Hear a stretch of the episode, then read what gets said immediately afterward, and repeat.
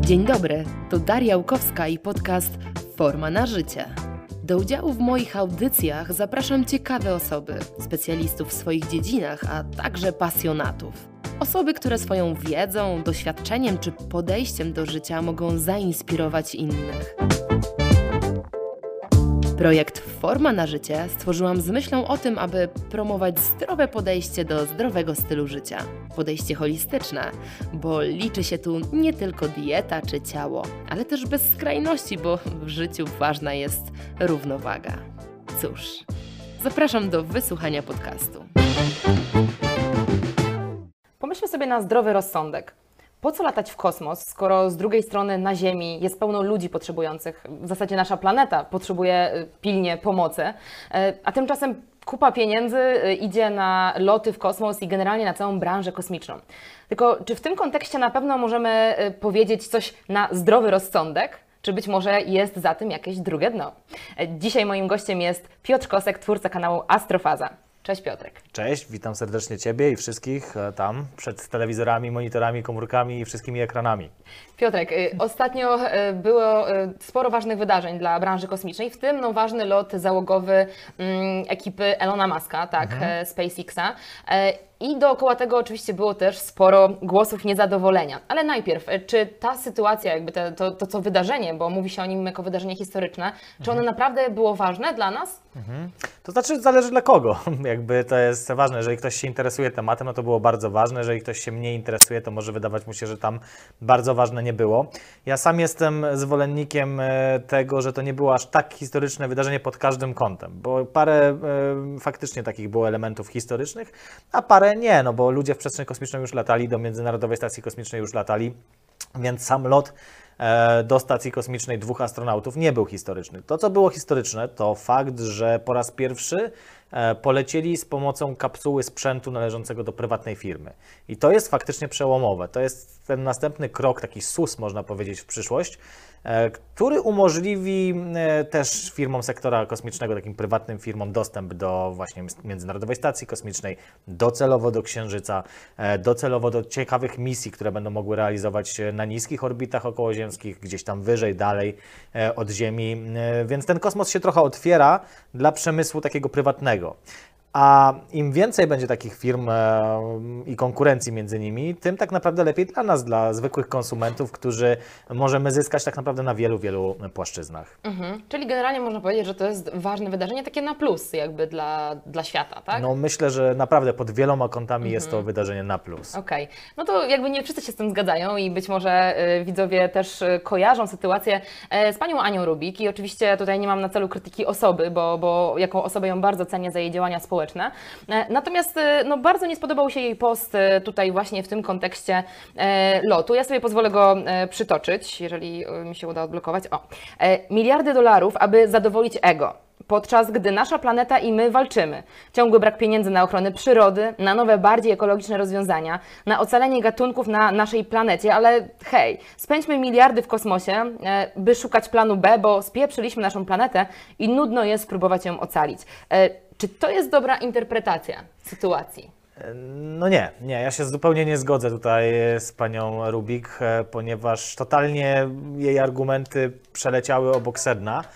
E, pomijam już fakt, że tak naprawdę każdy zainwestowany dolar obecnie w e, rozwój przestrzeni kosmicznej, w rozwój technologii satelitarnych, technologii kosmicznych daje w zależności od rynku, na którym się znajdujemy, 3 do 4 dolarów zwrotu.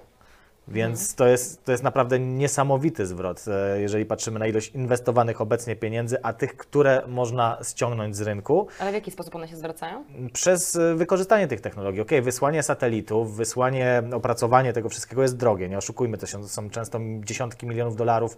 Przy większych misjach to są nawet i miliardy dolarów. Natomiast technologie, które jakby opracowywane są do tych konkretnych misji, problemy, które pojawiają się podczas opracowywania e, technologii do tych misji, potem przenikają do naszego codziennego życia.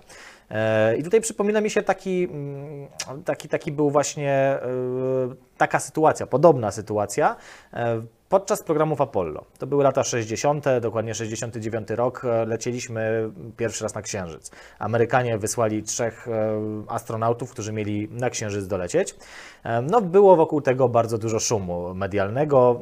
Poniekąd było to też oprócz, wiadomo, jakiejś inżynieryjnej misji, która miała nowe technologie przetestować, opracować, pozwolić nam na zdobywanie kosmosu, też jakby nie patrzeć misja polityczna, bo trzeba było pokazać, prawda, znak wiadomy Związkowi Radzieckiemu, no i to był ten wyścig kosmiczny między USA a Związkiem Radzieckim. Tylko, że z pozoru zła rzecz, czyli takie właśnie napinanie, prężenie mózgu, przyniosło mnóstwo, mnóstwo udogodnień tutaj e, na Ziemi. Ale o tym ludzie nie wiedzą, bo najczęściej widzą tylko to, co jest w przekazie medialnym, typu rakieta poleciała, no i wydaje się to, że to jest takie prężenie swoich rakiet, tak naprawdę tych wszystkich e, mężczyzn, którzy są odpowiedzialni za to. Tego E, ego, o którym tak, pisze dokładnie, Ania Rubik. dokładnie, tego ego. No, ciężko mi tutaj wpleść kobietę w to, ale wiadomo, że mnóstwo kobiet też pracuje przy tym. E, wspaniałych e, e, pań inżynierów. No i co dalej?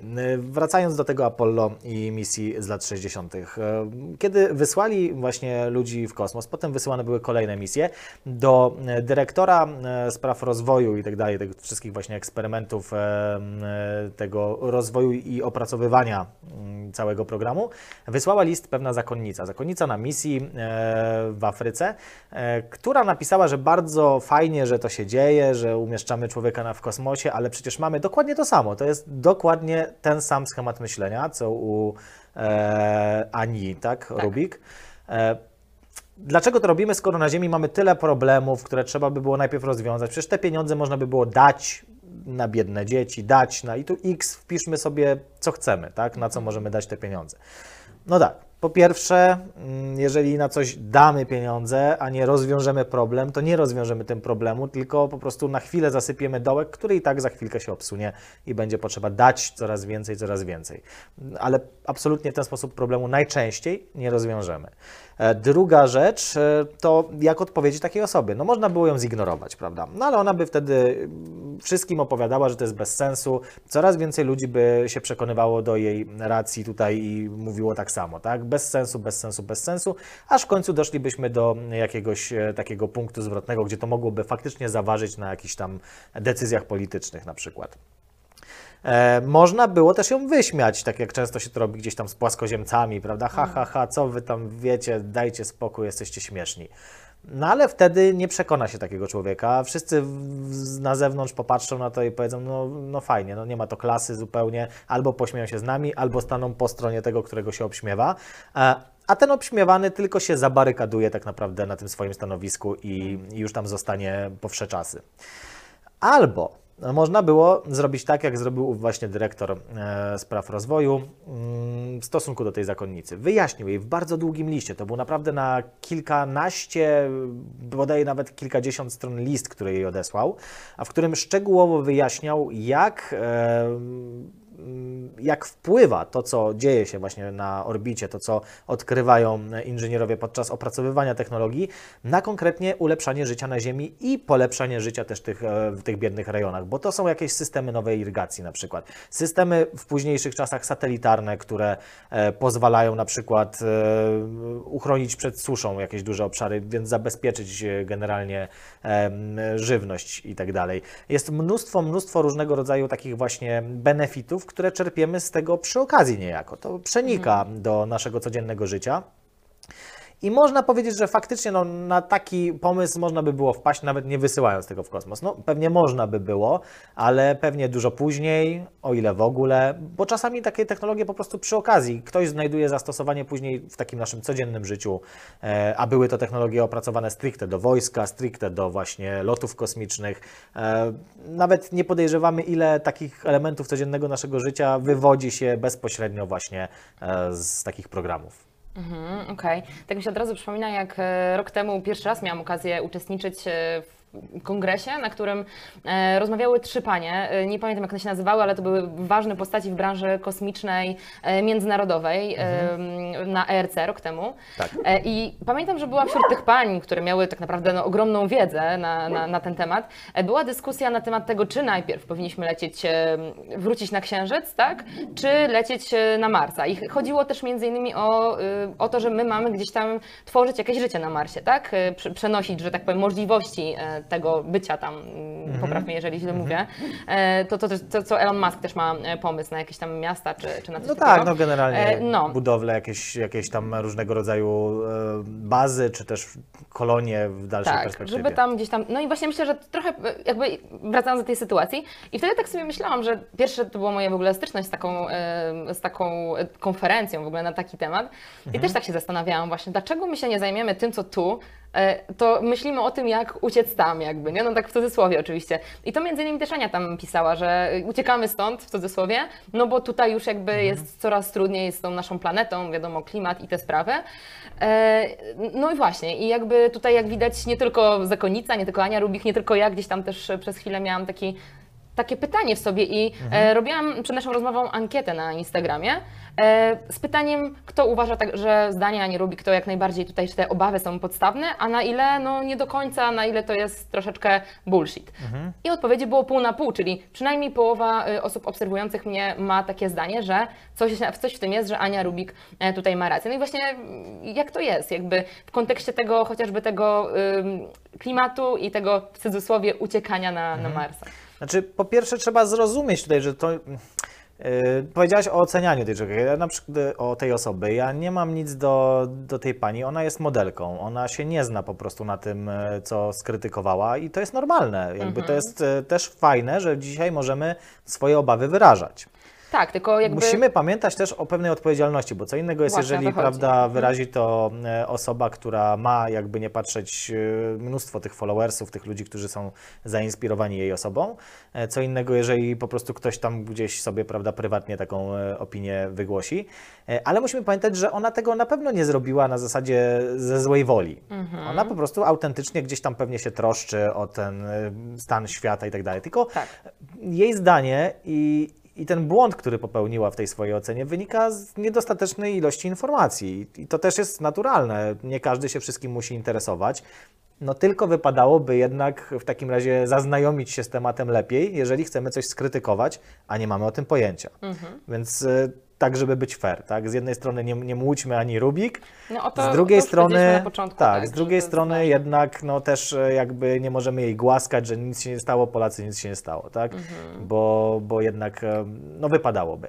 E, Właśnie to jest ten brak tych informacji. To jest pierwsze pytanie, które nam przychodzi do głowy. Po co? Właściwie po co? Po pierwsze, to nie jest tak, że ta nasza planeta jest już tak zdezolowana, że my musimy uciekać z niej. Myślę, że naprawdę daleko jest do tego punktu, gdzie nie da się żyć na planecie.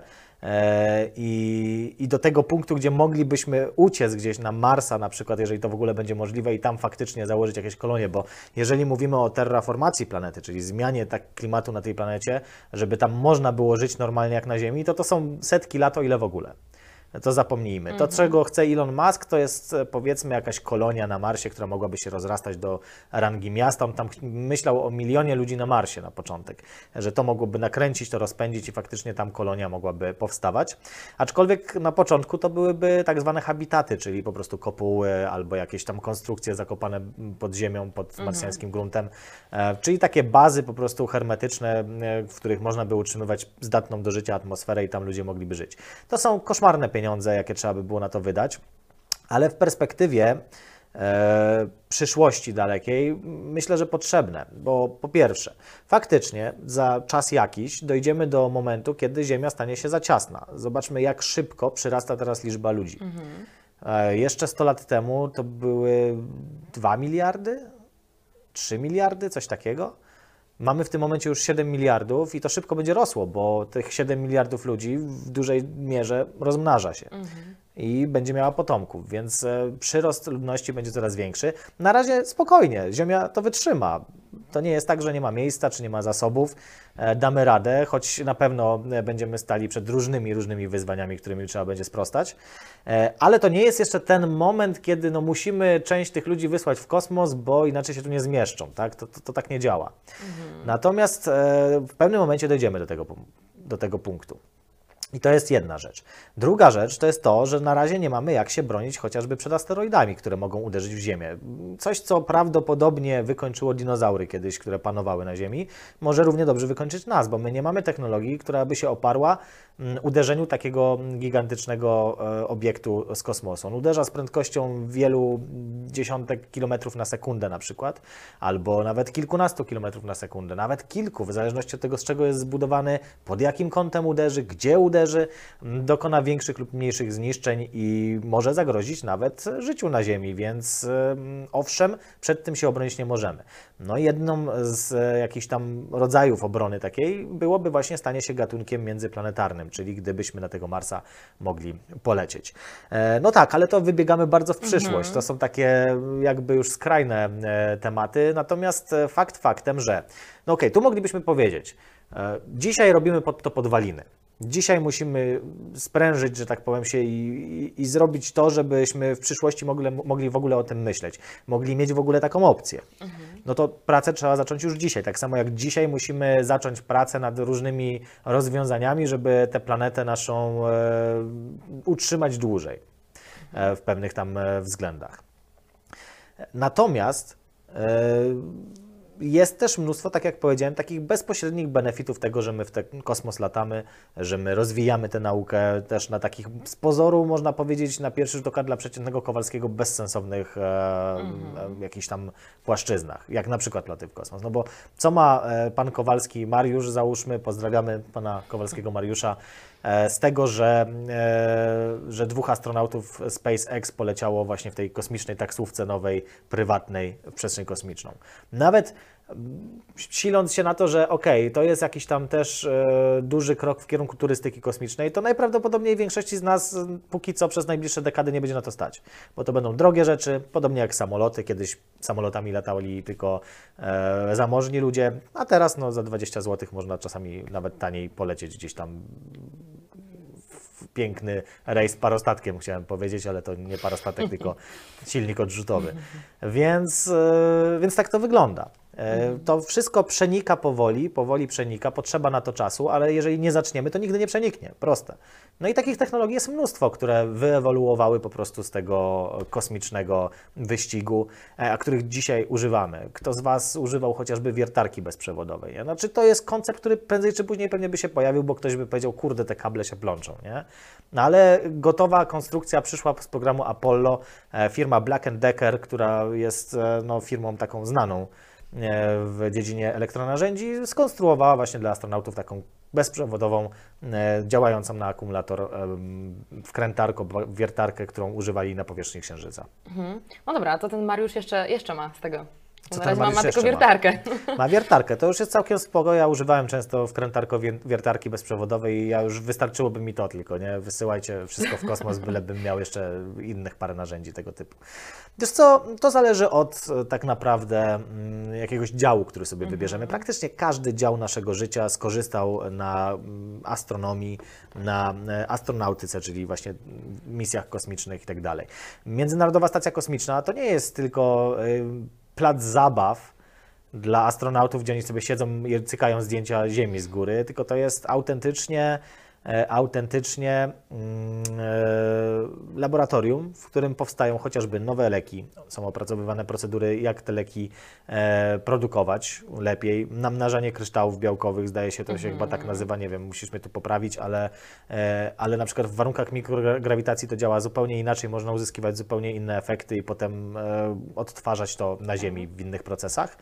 E, Co dalej mamy? Różnego rodzaju e, takie codzienne rzeczy. I tu myślę o GPS-ie na przykład. Gdyby nie astronomia, gdyby nie fizyka, astrofizyka i takie z pozoru zastanawianie się nad czymś bezsensownym, czarne dziury. No cóż może być bardziej bezsensownego niż czarne dziury, tak dla zwykłego, przeciętnego człowieka, który się nie zajmuje nauką. Miliony gdzieś tam wydawane na opracowanie jakiegoś różnego rodzaju teorii, prawda, obserwacji itd. No ale mamy e, teorię względności Alberta Einsteina, z której potem wyprowadzono właśnie coś takiego jak czarne dziury. E, Potem e, wyprowadzono jeszcze coś takiego, że przy tak dużej masie albo przy dużych prędkościach nagle doświadczamy bardzo dziwnych mm, efektów związanych z czasem i przestrzenią. A właściwie z czasoprzestrzenią, bo właśnie Albert Einstein złączył to wszystko w jedną całość. Co się dzieje? Przy dużych masach, mówię tu o masę w skali Ziemi, prawda, masa w skali gwiazdy, właśnie czarnej dziury, ale z tych czarnych dziur gdzieś tam zaczęto e, nad tym to rozważanie wyprowadzać. E, Wyniknęło coś bardzo dziwnego. Otóż, kiedy zbliżamy się do takiego właśnie masywnego obiektu, to czas płynie dla nas zupełnie inaczej niż dla obserwatora, który znajduje się wyżej.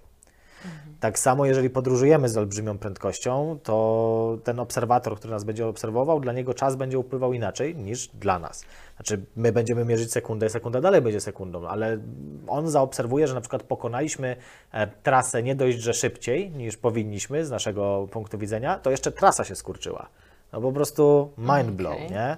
Nie będę wchodził w szczegóły. Tutaj jak ktoś chce, to dylatacja czasu, e, skrócenia Lorenza, jak sobie wpisze, to może ewentualnie sobie wtedy e, poczytać więcej na ten temat. Ale wracając do tego, no to co nam daje ta dylatacja czasu? Otóż gdyby nie dylatacja czasu, gdybyśmy nie ogarnęli tego, gdybyśmy nie posłuchali astronomów i nie dali pieniędzy de facto na to, żeby oni mogli te prace swoje e, prowadzić, to dzisiaj nie mielibyśmy map Google'a to dzisiaj nie mielibyśmy Janosika, jak ktoś korzysta, tak? E, Dzisiaj nie mielibyśmy właściwie no, wielu, wielu takich technologii opartych o GPS, bez których nie wyobrażamy sobie życia, tak?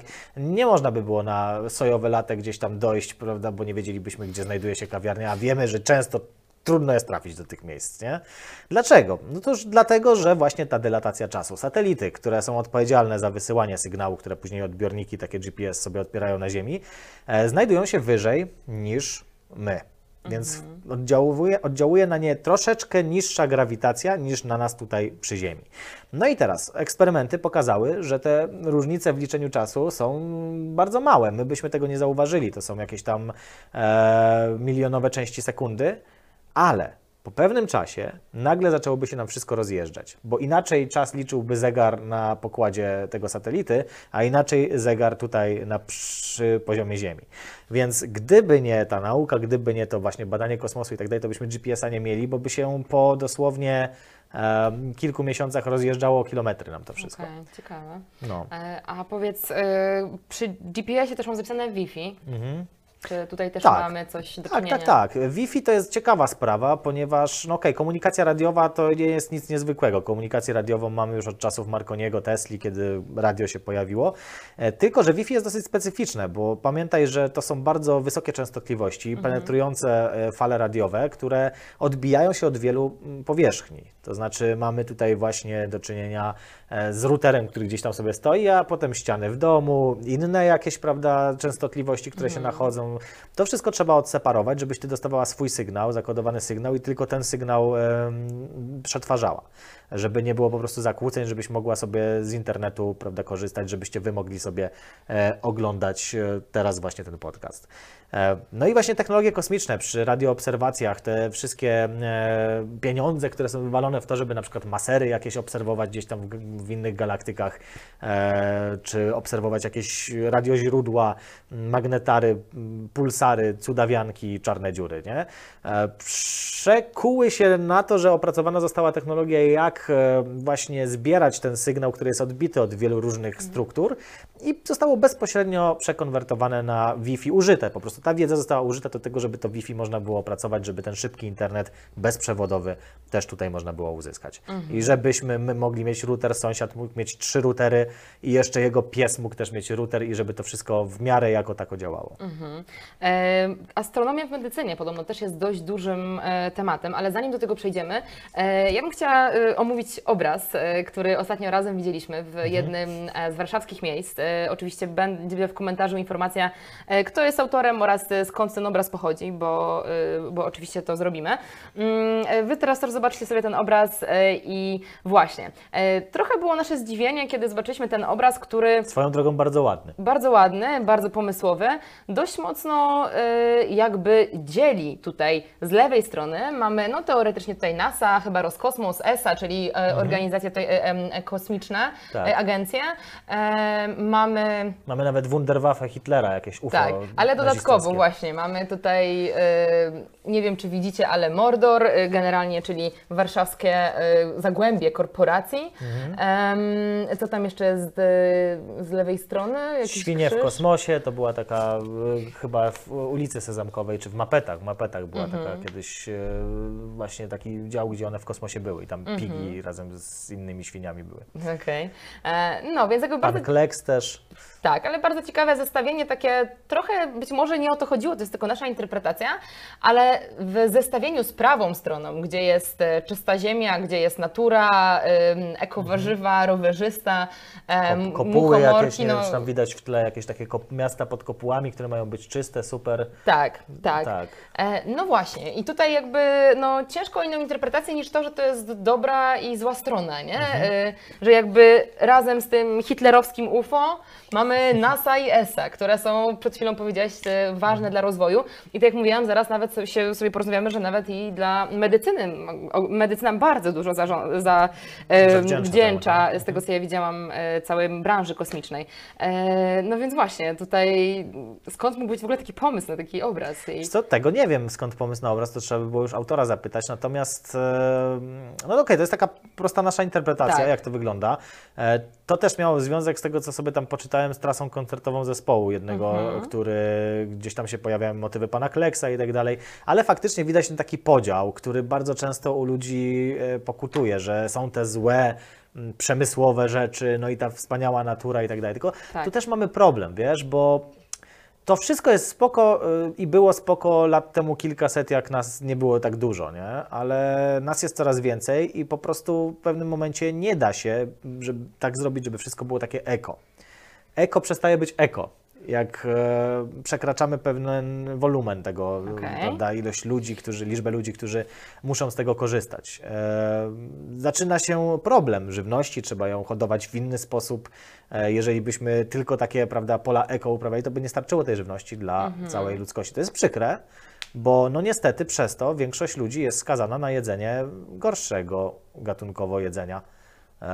I tutaj jakby no ten obraz gdzieś tam słusznie to pokazuje. Tylko, że to nie jest tak, że mam wrażenie, my możemy wrócić do tego. To nie jest tak, że nagle, a dupnijmy wszystkim, prawda, to już nie jest nam potrzebne, w ogóle wejdźmy na drzewa i będzie wszystko świetnie. Nie, to jest proces, który się zaczął, bo tak mamy skonstruowane mózgi, że my generalnie próbujemy zmieniać rzeczywistość dookoła siebie, bo z lenistwa też często próbujemy opracowywać jakieś udogodnienia, które nam będą e, pomagały. Natomiast żyjemy chyba pierwszy raz w czasach, gdzie zaczynamy się faktycznie tym naszym otoczeniem przejmować. To nie są już czasy takiej e, chamskiej rewolucji przemysłowej, gdzie to wszystko nie miało znaczenia, chociaż możemy w niektórych obszarach na świecie, w niektórych państwach dużych, bardzo dużych, obserwować, że tam cały czas jest to na tym poziomie i one się jakoś mocno tym nie przejmują. Natomiast e, no, gdzieś tam w reszcie świata, i myślę, że to będzie też coraz szersze kręgi zataczało, ludzie się tym przejmują. Ja tu oczywiście już abstrahuję od różnego rodzaju mm, też politycznych tematów, no bo wiadomo, że tej ekologii można używać bardzo pięknie jako takiego bacika, który będzie stopował rozwój gospodarczy danego kraju, a ten, który się tym mniej przyjmuje, e, będzie podsycał te eko, prawda, różne tam e, e, tematy, a sam będzie po prostu truł e, i puszczał w atmosferę, co tam chce. Natomiast abstrahując od tego, no jakby to jest, myślę, że każdy rozsądny człowiek stwierdzi, że lepiej, jeżeli nie będziemy niszczyć naszej planety, niż żeby ją niszczyć. Tylko, że mm, moim zdaniem tylko technologia może nam w tym pomóc. To znaczy opracowywanie nowych, czystych technologii, które jednocześnie będą nas rozwijać, pcha- pchać do przodu, a z drugiej strony nie niszczyć planety i jeszcze być może pomagać e, odrestaurować pewne jakieś tam e, fragmenty i tak dalej. Czysta energia na przykład. E, Też przecież różnego rodzaju e, tego typu e, generatory, które można śmiało wdrożyć w naszej codzienności, są testowane też w przestrzeni kosmicznej, chociażby w różnego rodzaju konstrukcjach, które są tam wysyłane. No ale weźmy na przykład, nie wiem, termojądrową reakcję. Gdyby nie to, że fizycy zajmowali się na początku stworzeniem, rozszczepieniem atomu, no jakby nie patrzeć w celach czysto stworzenia broni, czyli bomby atomowej. E, bomby atomowe zostały stworzone, są z nami po dziś dzień, zostały nawet użyte pokazowo w Hiroshimie i w Nagasaki, e, zabijając no, po prostu mnóstwo, mnóstwo ludzi. I to jest to złe użycie technologii. Jak sobie zobaczymy na ten obraz, no to tam e, brakuje właściwie chyba tylko tego. E, natomiast to jest to złe użycie technologii. Ja się zgadzam, że jest też w technologii ta ciemna strona Jasne. po pewnym czasie. To, to nie można powiedzieć, że wszystko jest super i tak dalej. E, ale to nie jest też tak, że ona jest tylko zła, że jest to dobro i zło. Świat nie jest czarno-biały. Nie jest po prostu. Jest, jest w wielu odcieniach i tak samo bomba, to rozszczepienie atomu, które doprowadziło do mm, śmierci wielu, wielu ludzi w Japonii, doprowadziło też do powstania elektrowni atomowych, które są najczystszym tak naprawdę w tym momencie źródłem e, chyba m, takiego dużego mm, zaopatrzenia nas w energię elektryczną, bo oczywiście nie mówię tu o wiatrakach, czy tam prawda, panelach słonecznych, czy e, hydro jakichś elektrowniach, ale tutaj faktycznie tej energii jesteśmy w stanie z niewielkiej ilości tego e, paliwa, e, w tym, w tym przypadku nuklearnego pozyskać, tak? Więc w ten sposób patrząc, no to dużo czystsze jest to niż nawet produkcja chociażby wiatraków, co też wcale czyste takie nie jest, czy akumulatorów elektrycznych, które też wcale nie są takie czyste w produkcji. E, To jest jedna rzecz. Druga rzecz, no to są termojądrowe różne e, elektrownie, które też są w tym momencie testowane. Różnego rodzaju e, e, reaktory termojądrowe, które mają nie rozbijać atom, tylko łączyć atomy, bo wtedy wyzwalana jest jeszcze większa energia podczas łączenia właśnie fuzji. I to się dzieje w gwiazdach. I gdybyśmy my nie rozpracowali tego, jak to się dzieje, że gwiazdy świecą, to byśmy nie wiedzieli, że taka fuzja może istnieć w ogóle. I nie pomyślałby nikt, żeby stworzyć po prostu tego typu e, reaktor. No mamy bomby termojądrowe, które właśnie robią to w ten sposób. Najpierw bomba atomowa po prostu ściska bardzo mocno e, materiał, który później właśnie wyzwala jeszcze większej ilości energii, a teraz próbują to cały czas inżynierowie przekształcić w e, działającą elektrownię termojądrową i coraz lepsze efekty tutaj mamy.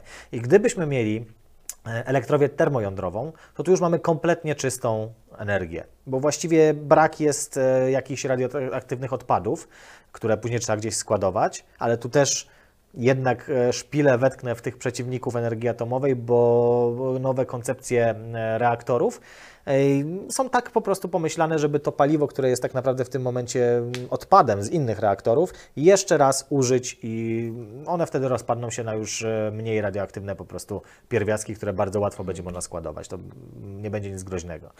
Czyli to ma też trochę związek z tym zwrotem z inwestycji, takim ekologicznym bardziej. Jak mówiłeś na początku, że to finansowo też się zwraca wielokrotnie e, w, w różnym sensie.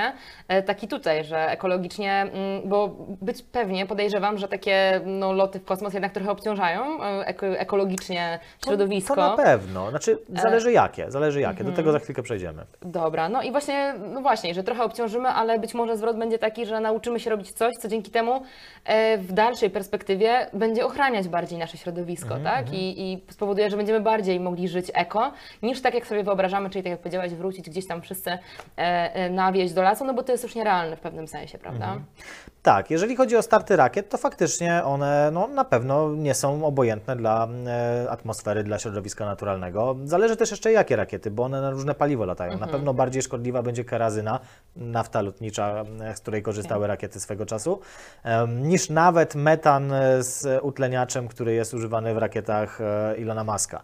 E, natomiast e, no, były też rakiety, m, czy też boostery, które m, spalały wodór czego efektem jest para wodna, tak? To jest, są spaliny, więc to też zależy bardzo mocno od tego, e, Okej. co rakieta ma. One oczywiście miały jeszcze tutaj, żeby być uczciwym, e, te boostery na paliwo stałe, które już tam są e, bardziej szkodliwe, bo mamy i polimery tam, które ulegają e, z ewaporyzacji, w sensie zgazowaniu. Mamy tam też, prawda, jakieś takie stałe paliwa, jakieś e, aluminium i tak dalej. Więc, e, więc tutaj trzeba jakby też oddać, ale no jakby było to dużo mniej niż stały ten zbiornik z wodorem, który znajdował się pośrodku w promach kosmicznych. No i co? I, i, i to na pewno jest, musimy jest jakąś, jakaś cena, którą musimy zapłacić, tak? To nie jest tak, że coś będzie 100% eko kiedy, kiedykolwiek, bo no jeżeli zmieniamy jakoś e, po prostu entropię energii jakiejś danej, prawda, no to siłą rzeczy coś dodajemy do, do środowiska. Tylko, że pytanie, jaki jest z tego zwrot? Jeżeli musimy troszkę nabrudzić, żeby lepiej posprzątać, no to chyba jasne, że warto. Ja tutaj taką analogię zawsze podaję do sztucznego mięsa. Nie wiem, czy słyszałaś o sztucznym Jasne, mięsie. pewnie. Fajna sprawa. Ja się nie mogę doczekać, aż faktycznie to będzie. Z Twojego punktu widzenia dietetyki, no trzeba by było fajnie sprawdzić, czy faktycznie będzie to zdrowe, niosło ze sobą wartości odżywcze i tak dalej. Bo wiemy, że to też nie jest tak prosto naturę naśladować w wielu Pewnie. aspektach. Bardzo skomplikowane tam procesy są. Ale zauważ, że nie stalibyśmy się nigdy gatunkiem, który jest w stanie wymyślić maszynę, która stworzy sztuczne mięso, dzięki czemu możemy przestać zabijać zwierzęta, no bo wtedy zabijanie zwierząt, jeżeli mielibyśmy mięso, które jest tak samo smaczne, tak samo wartościowe odżywczo i można z niego zrobić to samo właściwie co z takiego mięsa ze zwierzęcia, to naprawdę już tylko jakiś chory, wiadomo kto, zabijałby zwierzęta, żeby je zjadać. To już musiałoby być coś stricte w mózgu takiego na zasadzie chcę zabić, nie? To już nie jest, no ja lubię mięso, jem mięso, bo lubię mięso, jakby nie zastanawiam się, odcinam się od tego, skąd ono jest, wiem, że ze zwierząt, ale jakby się nie myśli o tym, to jest taki filtr, nie? No ale w momencie, kiedy masz sztuczne mięso, no to już jeżeli faktycznie wybierasz prawdziwe, to musi być coś nie tak w Twoim procesie myślowym, z mojej perspektywy przynajmniej. Ale żebyśmy mogli stać się tym gatunkiem, który wymyślił maszynę, która stworzy mięso i ocali zwierzęta, musieliśmy najpierw mnóstwo tych zwierząt zjeść. Mhm, no właśnie. Bo nasz mózg jest tu, gdzie jest dzięki temu, że jedliśmy mięso, które miało wysokie te zawartości kalorii i tego Miasto wszystkiego, co potrzebujemy. Potem zaczęliśmy gotować, też obrabiać e, to jedzenie, więc jeszcze więcej tego mogliśmy, więc zaczęło nam wystarczać czasu na naukę de facto. Nawet tą prymitywną na początku, wzięcie kamienia i zrobienie z niego jeszcze lepszego narzędzia. E, Wcześniej nie mieliśmy na to czasu. Wcześniej musieliśmy po prostu cały dzień polować, zbierać, żeby jeść i żeby nie umrzeć z głodu. I tak wyglądało życie tych hominidów wtedy. No tak. Więc e, tak samo jest tutaj. Pewne rzeczy musimy przejść, żeby dojść do momentu, w którym jednocześnie nie będziemy musieli, nie wiem, wybić połowy populacji, bo i takie pomysły się pojawiają. To jest dla mnie, to jest zawsze dla mnie, ja mówię wtedy, bądź, weź, daj przykład i, i bądź pierwszy, nie? Nienawidzę czegoś takiego, takiej skrajnej mizantropii w postaci właśnie e, powinniśmy zredukować ilość ludzi, nie? Super, nie?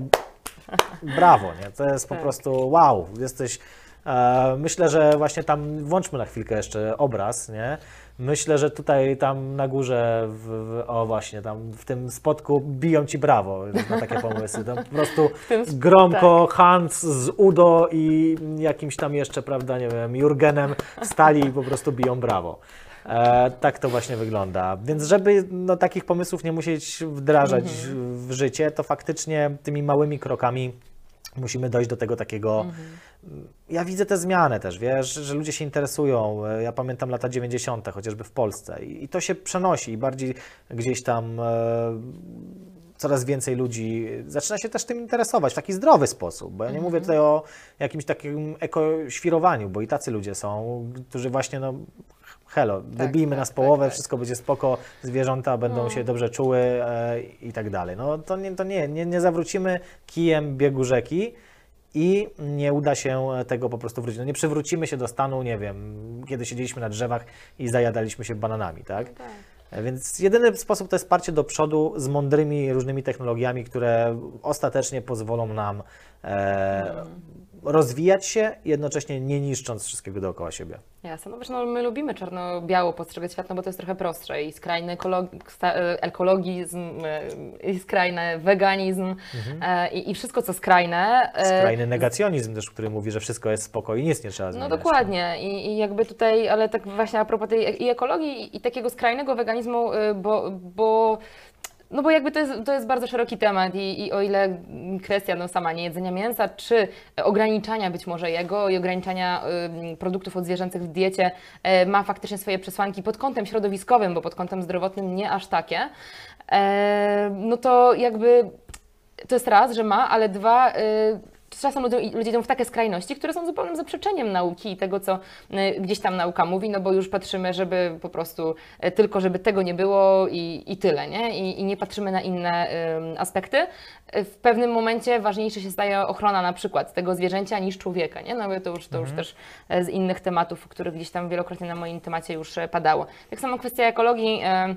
Jak rozmawialiśmy o tych słomkach kiedyś, no nie? To też jest kwestia taka, że ktoś coś po, zrobi jednego typu, nie wiem, wybiorę papierową słomkę zamiast plastikowej, to już mogę z siebie zrzucić to, wiesz, że ja już To dbam o środowisko i można. mogę już robić wszystko, co najgorsze, no ale dbam o środowisko, bo wybieram takie słomki. Znaczy to jest okej wybierać e, słomki nieplastikowe, ale spójrzmy na to bardziej holistycznie, nie? Bo to też tutaj ma bardzo ważne e, znaczenie. I właśnie a propos tego klimatu, e, ja dotarłam do wiadomości, że astronomia ma duży udział w tym właśnie dowiadywaniu się, jak my sobie możemy z tym e, naszym klimatem pomóc, z tym, że no, nie jest dobrze. Jak sobie z tym poradzić, to jest fakt. E, Co ciekawe, efekt cieplarniany został opisany i zauważyliśmy, jak to wszystko działa i, i, i że różne rzeczy mogą się na Ziemi wydarzyć. Nie muszą, od razu zaznaczam, ale mogą. I co my możemy z tym ewentualnie zrobić, albo jak obserwować to i jak się przygotować na jakieś tam nadchodzące zmiany, obserwując kosmos, a dokładniej naszą bliźniaczą, e, no bliźniaczą, pod pewnymi względami bliźniaczą e, planetę, czyli Wenus. Wenus jest mniej więcej rozmiaru i masy Ziemi, ma też atmosferę, e, nie ma księżyca, co prawda, takiego pięknego jak my, ale mm, e, przeszła coś, co naukowcy określają mianem bardzo ciężkiego efektu cieplarnianego. E, To znaczy, kiedyś Wenus najprawdopodobniej była podobna do Ziemi. Okej. To też ma związek ze Słońcem. Słońce, tu muszę wyjaśnić, jak to działa. Słońce, gwiazda to jest taki proces pewien, tak? Tam we wnętrzu to, co mówiłem, dzieje się to, co e, w elektrowni termojądrowej, czyli łączą się lżejsze pierwiastki w cięższe pierwiastki, i, czyli wodór w hel, konkretnie w przypadku Słońca. I w momencie, kiedy tego wodoru zaczyna brakować, to y, słońce zaczyna puchnąć. Już nie będę wchodził w szczegóły, ale generalnie ono się rozszerza, e, zmienia się jasność, zmienia się temperatura, to wszystko się zmienia. Więc e, też ta ekosfera, gdzie może istnieć życie, gdzie na przykład panuje taka temperatura mm, na danej planecie, mm, aby woda mogła być w stanie ciekłym, to się przesuwa. I Wenus kiedyś była bardziej w tej ekosferze niż jest obecnie, to po pierwsze. Po drugie, zaszły na niej różne, jeszcze nie wiemy jakie do końca e, procesy, które sprawiły, że e, zaczęło się tam bardzo dużo pary wodnej zbierać między innymi. Para wodna też jest gazem cieplarnianym i e, powodowała ona po prostu taki taką reakcję łańcuchową, tak? E, Gromadziła jeszcze więcej ciepła, przez to jeszcze więcej ciepła, jeszcze więcej tych gazów cieplarnianych się tam e, kłębiło i po prostu planeta się grzała, grzała, grzała, grzała, grzała. Dzisiaj Wenus, e, wspaniała nasza bogini miłości, piękna i tak dalej, ma średnią temperaturę około 400 tam parudziesięciu stopni Celsjusza Okej. no, przy powierzchni. Gęstą atmosferę, 70 razy gęstszą niż tutaj e, przy powierzchni Ziemi. Tam jest ciemno wręcz nawet tak ponuro, mroczno przy powierzchni, bo ta atmosfera jest tak gęsta, że te promienie słoneczne docierają tam w dużo mniejszej ilości. Wyobraźcie sobie chociażby e, pochmurny dzień, jak bardzo różny jest od słonecznego dnia, kiedy mamy czyste niebo, nie? No to tam jest e, jeszcze bardziej pochmurny dzień niż, niż ten nasz pochmurny dzień. Okej. E, Więc e, Wenus e, doświadczyła i tam cały czas istnieje ten właśnie olbrzymi, olbrzymi efekt cieplarniany i obserwacje Wenus de facto pozwoliły na zaobserwowanie podobnych tutaj zjawisk na Ziemi. Więc klimatolodzy dostali nowe narzędzie, dzięki któremu mogli lepiej opracowywać chociażby różnego rodzaju e, symulacje szybciej klimatyczne, pewnie. szybciej na pewno też. E, Dostali nową wiedzę, dzięki której mogli skorzystać i no chociażby chronić pewne obszary przed e, spustynnieniem. Załóżmy, bo wprowadza się wtedy jakieś inne tam systemy, które powodują, że no, lokalnie jesteśmy w stanie trochę przeciwdziałać temu, tak? Więc tutaj też te systemy satelitarne, e, to co mówiłem w kwestiach klimatycznych, no to są obserwacje, satelity meteorologiczne, jest ich mnóstwo. E, widzimy pewne zależności, co dzieje się, dlaczego, na przykład czy za dekadę będziemy musieli ewakuować daną część e, miasta, bo będzie tam problem, tak? E, Czy tutaj warto na przykład w ogóle budować, rozwijać infrastrukturę, czy też nie? Kiedyś po prostu się budowało, hejda, tak? Jest woda, to kopiemy studnie i budujemy osadę. Dzisiaj no już tak się nie da, poza tym może się okazać, że za 20 lat tam się żyć nie da. A mając te dane, możemy sobie to odpowiednio gdzieś tam wyskalować i stwierdzić e, w tamtą stronę, będzie lepiej. Nie? To oszczędza czas, pieniądze i przede wszystkim no, pozwala nam szybciej zareagować na te zmiany klimatyczne, tak? No, To też, to też. Przede wszystkim dowiedzieć się czegoś konkretnego o zmianach. Mhm. klimatycznych, bo my wciąż tak naprawdę bardzo mało wiemy. Mówi się o konsensusie naukowym, a szczerze mówiąc, jak ja tak patrzę na różne zdania, to, to nie widzę konsensusu. Mhm. Nie wiemy dlaczego, jak, gdzie, skąd, jak to na pewno wygląda. Ostatnio mnie rozbawił bardzo artykuł chyba w National Geographic, że w 2050 to jest ten rok, w którym skończy się cywilizacja ludzi, bo już planeta się nie będzie nadawała do życia. Tak Kurde, mogę lat. się założyć o wszystko, co mam z Wami, że, że w 2050 dalej będziemy tutaj na tym łespadole. E, natomiast e, fakt faktem, że, że po prostu takie gdzieś tam ruchy też mogą nas skłaniać do tego, żebyśmy faktycznie bardziej się zainteresowali e, tym, co się dzieje i to jest dobre, moim zdaniem. To jest dobre, bo to na pewno nie jest tak, że my nie mamy wpływu. Mamy na 100% i warto go ograniczać, warto mądrze mieć ten wpływ, a nie tak po prostu na zasadzie róbmy co chcemy. Ale no, podanie konkretnej daty, no to jest typowy zabieg dziennikarski, nie oszukujmy się, nikt tego nie wie, żaden klimatolog nie podpisze się pod tym, bo nie powie, że konkretnie w tym roku e, będziemy mieli taki taki stan. Mamy, znamy pewne trendy, wiemy co może się wydarzyć, ale niekoniecznie, bo właśnie o to chodzi w modelach klimatycznych, że są bardzo płynne. Nie do końca jeszcze mają wszystkie dane, operują na algorytmach, które dorabiają pewne e, dane, których brakuje. Więc e, do tego wszystkiego przyczynia się też właśnie kosmonautyka. Wysyłanie nowych satelitów. Satelitów, które mają nowe narzędzia, nowe mm, jakieś eksperymenty na pokładzie przeprowadzają, tak? Mają nowe urządzenia, które są w stanie skanować jeszcze lepiej e, Ziemię i mamy też e, chociażby, o to jest kolejna rzecz, przetwarzanie masywnych ilości danych czyli to, co w interferometrii e, radiowej się robi. E, radioteleskopy szukają sobie czegoś tam, prawda, na, na niebie, wszystkie tego samego, te dane są później ładowane w jedno miejsce, e, zmniejszane, prawda, i dalej trwa analiza. Żeby ogarniać tak duże ilości danych, trzeba było stworzyć odpowiednie infrastruktury, odpowiednie prawda, urządzenia do tego i tak dalej. To samo przeniknęło do naszego codziennego życia i my korzystamy z tego, bo e, właśnie takie mm, sposoby na radzenie sobie z tym big data em, otwierają nam nowe ścieżki, czy gospodarcze, czy właśnie do, y, nie wiem, obrazowania jakichś tam klimatycznych rzeczy, lepsze algorytmy, lepiej mogą na przykład te modele klimatyczne się e, kształtować, bo mamy więcej możliwości obliczeniowych, operacyjnych, e, też dzięki między innymi temu, że e, były one specjalnie zaprojektowane pod obserwacje astronomiczne. Mhm. No dobra, a kwestia tej medycyny, bo to jest bardzo ciekawy temat i myślę, że no bardzo bliski mojemu kanałowi jednak. To, co już mówiłem, e, czyli, e, nie wiem, wspominałem już o e, rezonansie magnetycznym i obrazowaniu nie, tymże? w międzyczasie. Mhm. W każdym razie mm, tam też część była z interferometrii radiowej wzięta. Otóż na czym to polega? Pole magnetyczne wzbudza protony w naszych tkankach, miejscu, które jest obrazowane. One mają wtedy wyższy poziom energetyczny, następnie się wyłącza, że tak powiem, urządzenie, one opadają i emitują wtedy, żeby mogły wrócić do tego stanu e, wcześniejszego energetycznego, to muszą trochę tej energii oddać.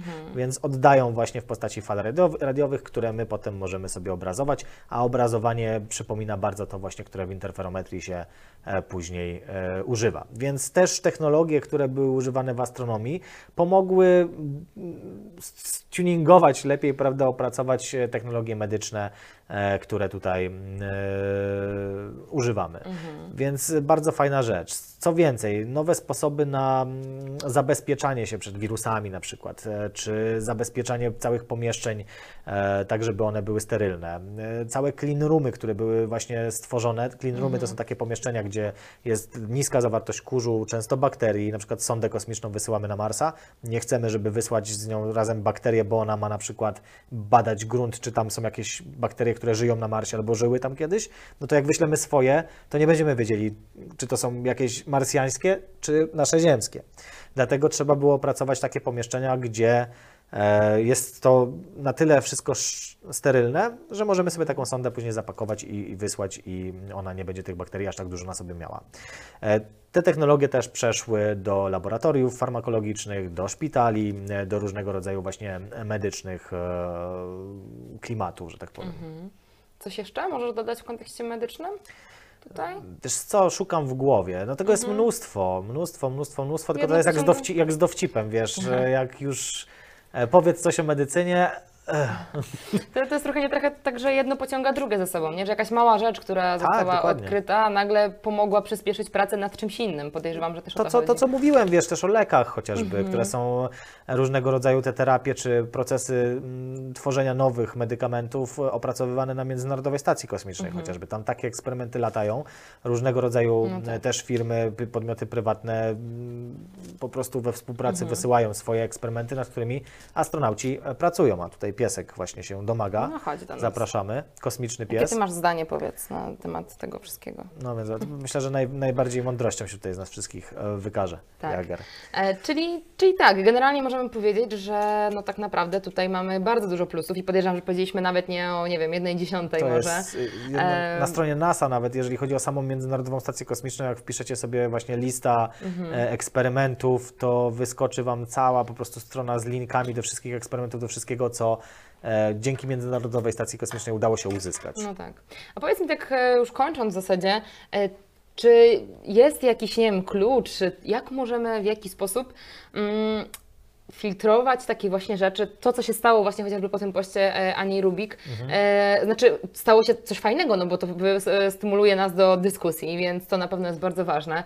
E, natomiast e, no właśnie, żeby nie spojrzeć na takie coś i, i nie stwierdzić, że tak, to jest na pewno e, prawda.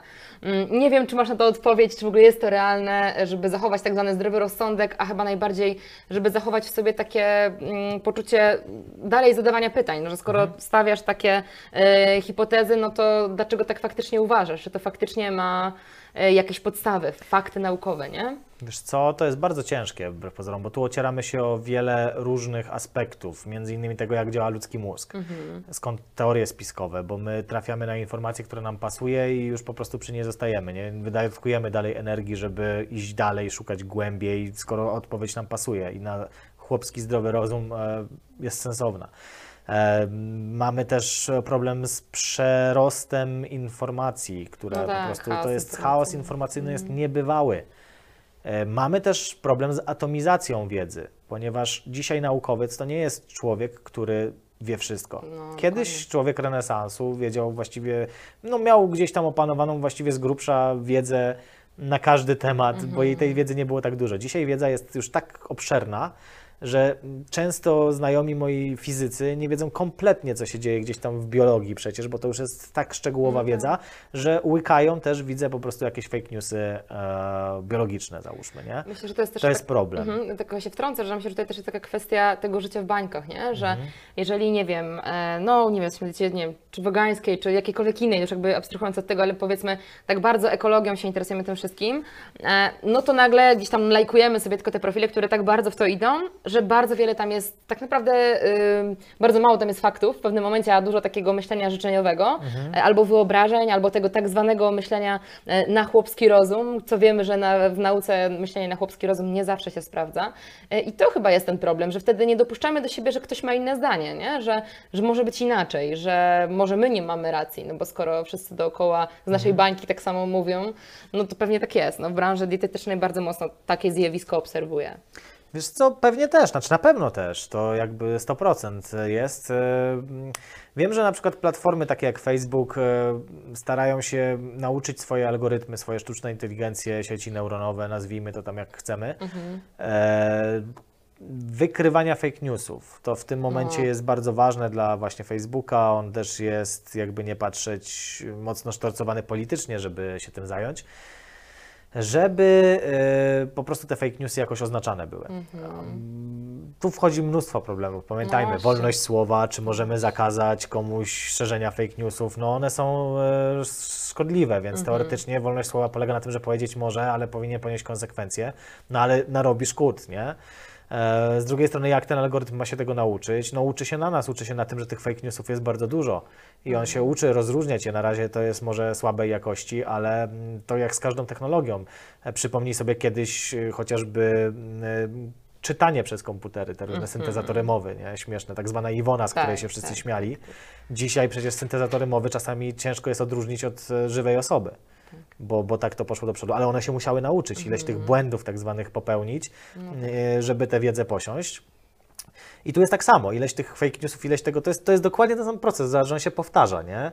E, że musimy ileś nabrudzić, żeby potem posprzątać i już wiedzieć, jak Tak. sprzątać, nie? No, racja. Więc tutaj to działa w ten sposób i, i to też nie jest dobre, to nie jest tak, że idziemy w dobrym kierunku. Ja nie wiem, w jakim kierunku Mhm. my idziemy, bo może ten algorytm będzie wykorzystywany też zgodnie ze teoriami spiskowymi, żeby nas wszystkich e, w garści trzymać, dokręcać i, i No właśnie, niszczyć, o tym pomyślałam, że tak naprawdę zależy, wiesz, kto będzie y, uczył, nie? Tutaj ten, ten algorytm, w jaki sposób on się będzie uczył, Powiem na ci, że- zasadzie, wiesz, że y, no właśnie, tak mówisz, nie ma konsensusu naukowego w wielu kontekstach i tutaj, wiesz, no właśnie, pytanie, Mhm. część może bardziej nie dopuszczać, a część bardziej pchać, a może się okazać, że to wcale nie jest prawda aż tak, że to nie jest fake news, ale że to powiedzmy y, nie jest do końca sprawdzona informacja, że ona jeszcze potrzebuje A sprawdzenia. potem się może okazać, że nagle jest. Dam Ci No przykład. właśnie. W, z dziedziny nauki było coś takiego jak stała kosmologiczna, którą Einstein nazwał swoją największą pomyłką w życiu. Stała kosmologiczna to było coś, co on chciał wprowadzić do swojego obliczenia, bo mu nagle wyszło, że wszechświat generalnie się rozszerza. No właśnie, doszedłby do tego, że wszechświat się rozszerza, gdyby dalej zabrnął w to, e, ale on sobie stałą kosmologiczną e, e, gdzieś tam umieścił tak, żeby mu to kompensowało. Natomiast później się okazało, że jakby ona nie była potrzebna, Hubble wykrył rozszerzenie się wszechświata, to wszystko gdzieś tam sobie ładnie zrobiliśmy. No i dzisiaj nagle się okazuje, że mm, faktycznie coś takiego jak stała kosmologiczna może istnieć pod postacią ciemnej energii, która miałaby właśnie mieć takie rozkurczowe e, właściwości. No i cóż, e, to jest właśnie przykład tego, jak czasami sami potrafimy sobie to właśnie. ograniczyć. Ale E, Tutaj jeszcze a propos tego właśnie, jak my możemy sobie z tym radzić. Chyba jedynym sposobem na to jest e, na ograniczenie, bo nigdy w 100% nie wyeliminujemy fake newsów. E, Podejrzewam, że parę razy i na astrofazie niestety coś tam zapodaliśmy, bo na przykład w iluś źródłach sprawdziliśmy, że jest, a się okazało, że te źródła też miały po prostu, no po prostu łyknęły fake newsa, Tak. nie? Chociaż staramy się przynajmniej z tym jakoś tam walczyć. Ale to, co można robić, to właśnie mm, korzystać ze źródeł, które są sensowne, potwierdzone, które nie są jakąś stroną typu pojawiła się strona e, gwałtu, ziemia się zmienia, kropka, nie wiem, co.pl i my prawda, od razu udostępniamy, bo nam się tytuł podoba, bo tytuł nam e, mówi to samo, co nasza intuicja nam podpowiada, bo tytuł, bo my się zgadzamy z tytułem. Mhm, tak. Więc ja mam swoją jakąś hipotezę, e, te, teorię, jak to ludzie mówią. Teoria to jest bardzo złożony koncept. Jasne. Mają swoją hipotezę, chcą ją przeforsować, bo my lubimy mieć rację i to jest nasz problem. Myślę, że tego wszystkiego by nie było, gdybyśmy nie mieli takiego parcia, że lubimy mieć rację. Wtedy się czujemy tacy lepsi, tacy, prawda? E, więc e, żeby mieć rację, to my sobie będziemy prawda, różnych używać takich e, błędów logicznych, błędów e, dyskusyjnych, e, jakiegoś cherry pickingu, wybierania sobie najlepszych prawda, danych, podczas gdy okej, te były najlepsze i pasują do tego, co chcemy powiedzieć, ale tysiąc innych Tak. badań mówi nam zupełnie co innego, tak?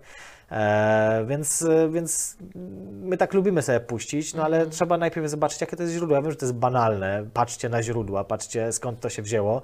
Mm, Nie mamy też czasu, żeby sprawdzać, czy to się pojawiło gdzieś tam, gdzieś tam, gdzieś tam, bo powiem Ci tak, szczerze mówiąc, jak wchodzę na jakieś, czasami na Facebooka przez przypadek dosłownie ostatnio już, ale zdarzy mi się i widzę jakieś tam newsy, że się pojawiają, to jak zaczynam sprawdzać, to 99% z nich to są jakieś wymysły prowadzące gdzieś do jakiegoś bloga, na przykład gościa, który nie ma pojęcia nawet o tym, co mówi, ale bo on sobie tak e, wymyślił. Ale pasuje, pasuje do naszej narracji, więc wykorzystamy to i, i pchniemy dalej. Pewnie. Więc mówię, no, możemy czekać na to, aż algorytmy się nauczą, ale też myślę, że jeżeli my bardziej proaktywnie będziemy podchodzili do tego, skąd czerpiemy informacje i nie jarali się od razu, tak, mam rację, bo tu ktoś tam napisał na tej stronie, no to może się nam uda jakoś jeszcze nie zatonąć tak naprawdę w tym wszystkim. Czyli jak zwykle, no po pierwsze duży dystans, nie? Do, do tego wszystkiego. E, No i zawsze gdzieś tam, żeby z tyłu głowy pamiętać, żeby sprawdzić te właśnie większej ilości y, źródeł. E, Podstawa pracy dziennikarskiej de facto, nie?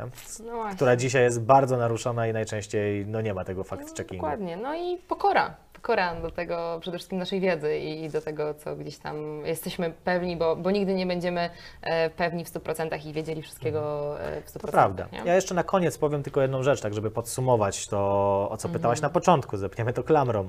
E, czy my powinniśmy zajmować się nauką, wysyłać ludzi w kosmos, e, badać kosmos, skoro to jest częsty argument, nie znamy nawet jeszcze oceanicznych den, prawda, Mhm. dobrze. E, czy mamy różne problemy na Ziemi. Tylko widzicie, rozwój nasz, ludzkości, to nie jest układanie klocków Lego z instrukcją.